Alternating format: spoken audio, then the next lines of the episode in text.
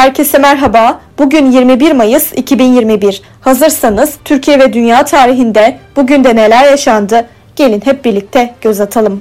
Dünya tarihinde bugün yaşananlar 1881 Amerikan Kızıl Haçı Clara Barton tarafından kuruldu.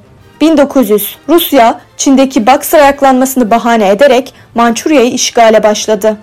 Türkiye tarihinde bugün yaşananlar 1847 Tapu ve Kadastro Genel Müdürlüğü, diğer adıyla Defterhane, İş Amire Kalemi kuruldu. 1963 Harp Okulu Komutanı Talat Aydemir, anayasanın önerdiği bazı reformların gerçekleştirilmediği gerekçesiyle ikinci bir darbe girişiminde bulundu fakat başarılı olamadı. 1997 Yargıtay Cumhuriyet Başsavcısı Vural Savaş, Refah Partisi'nin anayasanın laiklik ilkesine aykırı eylemlerin odağı haline geldiği gerekçesiyle sürekli kapatılması istemiyle Anayasa Mahkemesi'ne dava açtı.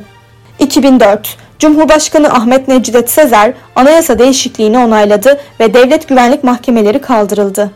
Bugün doğanlar 1527 İspanya Kralı 2. Felipe doğdu. 1947 Türk akademisyen ve tarihçi İlber Ortaylı dünyaya geldi. 1968 Türk dağcı, yazar ve fotoğrafçı Nasuh Mahruki doğdu.